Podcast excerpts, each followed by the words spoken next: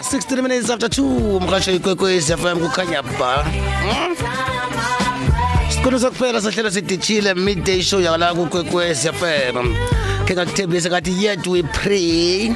Lapha ke no Alice Mahlangu ya omhloli begodike umkhuthazi ngikhuluma nge-motivational speaker ubuya lapha ke flaglag 10 number one esifundeni sempumalanga indawo ebeyaziwe ngekwandebele.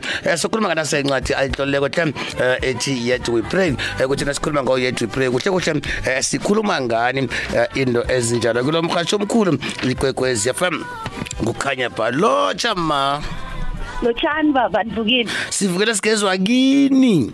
Sithokoze. Mina ngithe ungo Alice Mahlangu weflaghlate number 1 ngibambe khona?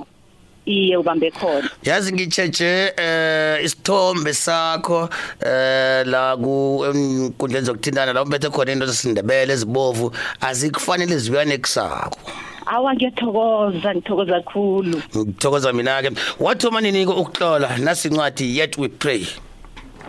Eh ngingatsho baba ngithi incwadi incwadi yokthoma ithi ngithome ngokulochisa abalaleli bakho bonke ngilochise wena ngilochise nomvezi. Ngitsho ngithi ngiyathokoza kwekwezi kukhanya ba.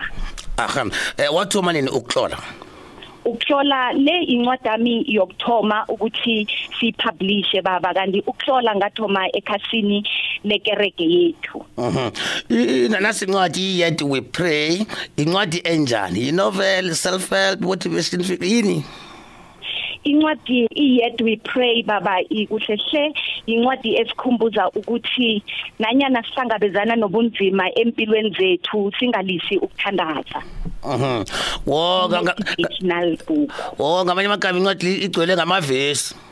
Igcwele ngamavesi nomthandazo nenkhuthazo godi baba. Mm, ya kukubangelwa yini lokho ukuthi ngoba ngiyayibona ibonakala namavesi aphuma eBhayibhelini ngobuningi eh into eziningi angasukakhetha iBhayibheli abekho abanye abantu abakhuthazayo ngaphandle kweBhayibheli bakhona abanye abantu abakhuthazako mara kodwana ngicabanga ukuthi ithi ngithome ngeBhayibheleli before ngizokucabanga ukuthi ngenze enye kodwa incwadi lapho ngizokuzubhula abantu abafana nabo TD Jakes abantu abanjalo. Mm, kodwa nento engibethako la nento engibethako la eh incwadi le ikhuluma ngamavesi aseBhayibhelini.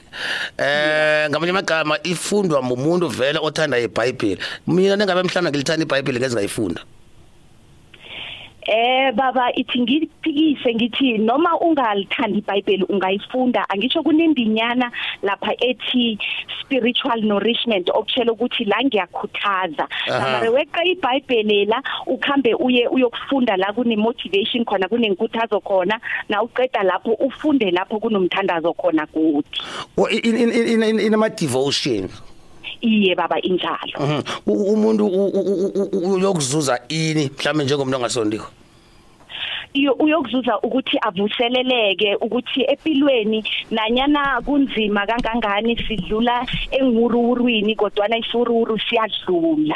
Ungiphendulele ngiyokuthengisa ngisho umbuzo uthi bobani ekufanele bayifunde incwadi le? Ubamba njalo. Kunjani baba nangambala mhatshe kokwez FM kukhanya bha imasumi amabili nanye imizuzu ngeveka simbinge. Yesibili 21 minutes after 2 Eh, ngikhamba naye lapha ke uAlice Mahlangu omtloli omhloli begodwa nomkhuthazi eh, ubuya lapha ke flag lag number 1 eh, sikhuluma nganase incwadi yet we pray eh, batsho ke iphethe lapha ke amavesi. Yanomuntu vele othanda amavesi ayo ungayifunda ke kodwana kodwa nawe ke umuntu ongathanda amavesi eh, ungayifunda mhlawumbe uzogcina eh, sowujugulukileko sikhamba naye nje usemoyeni ngamukele kodwa Alice ngithokoze baba. Umbuzo wami uthe bobani kuhle kuhle ekufanele bafunde incwadi le? Incwadi le baba ingafunda ngiwo wonke umuntu kanti ngiplana nokuthi before unyaka lo uphela sengiyenze nangesindebele ngoba nje isesisesikhuweni mhm. Iye baba. Uh, inama inamavesi amangaki namtshana ama-chapter amangaki angazi nam- namtshana imithandazo emingaki umlaleli nje simakhele isithombe em inama chapter amane akhuluma ngen-season zonyaka inkathi zonyaka okuthi ukuthi kune autumn kune winter kune spring kune summer so phezukwalokho uthola into echazela ukuthi nawuhlangabezana nobusika empilweni nakho yini ekufanele ukuthi ukwenze. Kanti nawuhlangabezana nehlobo empilweni nakho yini godi ekufanele ukuthi ukwenze. Uyazi Alice omunye umuntu u- u- uhleze ekhaya uyazibuza ukuthi eh Alice lo ngathi unesikhathi sokudlala u- u- u- unesikhathi njengewatch. Eh iBhayibheli likhona msi iBhayibheli liphethe konke okuphathelene nokuthi umuntu aziphathe njani. Alo yedwa ipray ifunani? Qala ke musi amavesi lana siwabhalileko baba ngisho bane afune inkazelo ukuthi umuntu ngibhale inkazelo yokuthi iBhayibheli nalithi uJehova ungumelusi wami. Kutsho ukuthini nase ngilokhu njana ngirarulula lapha uyet we pray yazi eh eh, angiphikisani incwadi yakho nokho angiphikisani incwadi yakho. Ngiyakuzwa baba, eh ngiyakuzwa. ngi- ngizama ngizama ukuthwaya enye into eh nge- ngento eyikhuluma kule eh nokuthi incwadi le ihlathulula amavesi A- ake ake ngaba nomraro eh, nomunye umfundisi bese sizikhulumela nje. Eh wathi kimi iBhayibheli lithi hlonipha uyihlo nonyoko ukuze amalanga wakho abe manengi ephasini. Yathi full stop. Wathi neyitsho njalo ithi ukuthi ayikhulumi ngomakho nobabakho kwaphela bakubelethako. Ikhuluma nanoma ngibani ngathi kuye mina ukuthethephi lokho? Yona ibhalelwe yini ukutsho lokho? Ikuveze yona kwalokho. Ma- manje ungiletha komunye ke eh, umkhumbulo ukuthi ke vele into le injalo? Injalo baba. Ko ama ama ama- ama amavesi laseBhayibhelini ba ba- batlole half bese kufuneka abafundisi bahlathulule. Bawachaze ukuthi kuhlehle athi ukuthini. Ya ngiyakuzwa wena ke njengomhloli wencwadi le ikusebenzele kangangani? Namtshana sakusebenzela na kwanje? Isangisebenzela baba iyangikhumbuza ngesikhathi lesi esikiso ukuthi nanyana singahlangabezana nani ithemba asingalilahla mhm iye baba. Ya sikhathi lesi esigakajayeleki esikhathi se-covid-19 eh sinayo imthandazo imthandazo mhlambe yemini ama-daily devotions eh into ezinjalo. Eh angasiza njani? Angasiza ngokuthi baba sikhumbule ukuthi empilweni kunezimo eziningi esihlangabezana nazo kodwana kunozimo esimkhonza ngokungabhalelwa lilitho. Mhm A- ama devotions akhona eh, encwadini le eh ngoba sinama devotions ekseni sinama devotions ntambama sinama devotions ebusuku njalo njalo. Eh, ngobuningi akhona ngimaphi? Eh ngenze welanga linye ukuthi every day kuno day 1 kanti kuno day 2 kuphela ange angawahlukanisa ukuthi lengeyemini lengeyentambama noma lengeyekuseni okushela ukuthi na uyifundako ufunda nethi ilanga linye lichazela ukuthi kwenzakalani empilweni then ufunde ilanga elilandelako. I- no- noyifunda ko incwadi le yet we pray. Eh, akufanele ubeke i-dictionary ecada awawawa baba singise silula kakhulu lesengisibhale la kanti nende besindebele version siyeza sendleleni Si- sisilindele nini? Before unyaka lo uphela baba ngaphambi kobana unyaka lo uphele sizobe sesikhona. Sele siyivala. Umkhuthaza uthini umlaleli nomfundi ukuthi ayifunde nasi incwadi em asingaphela amandla ngesikhathi esinje. Asazi ukuthi nanyana sihlangabezana nani empilweni konke okwenzakala kuyadlula. Kungaba mnandi kube kumbi kodwana kuyadlula.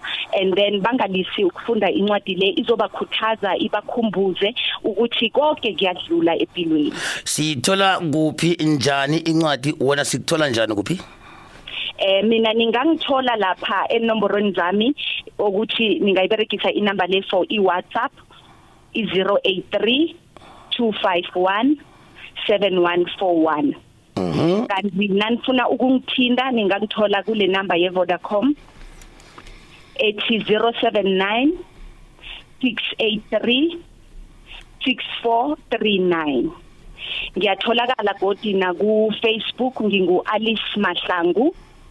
And then incwadi ikhona na ku different bookstores including Izara books.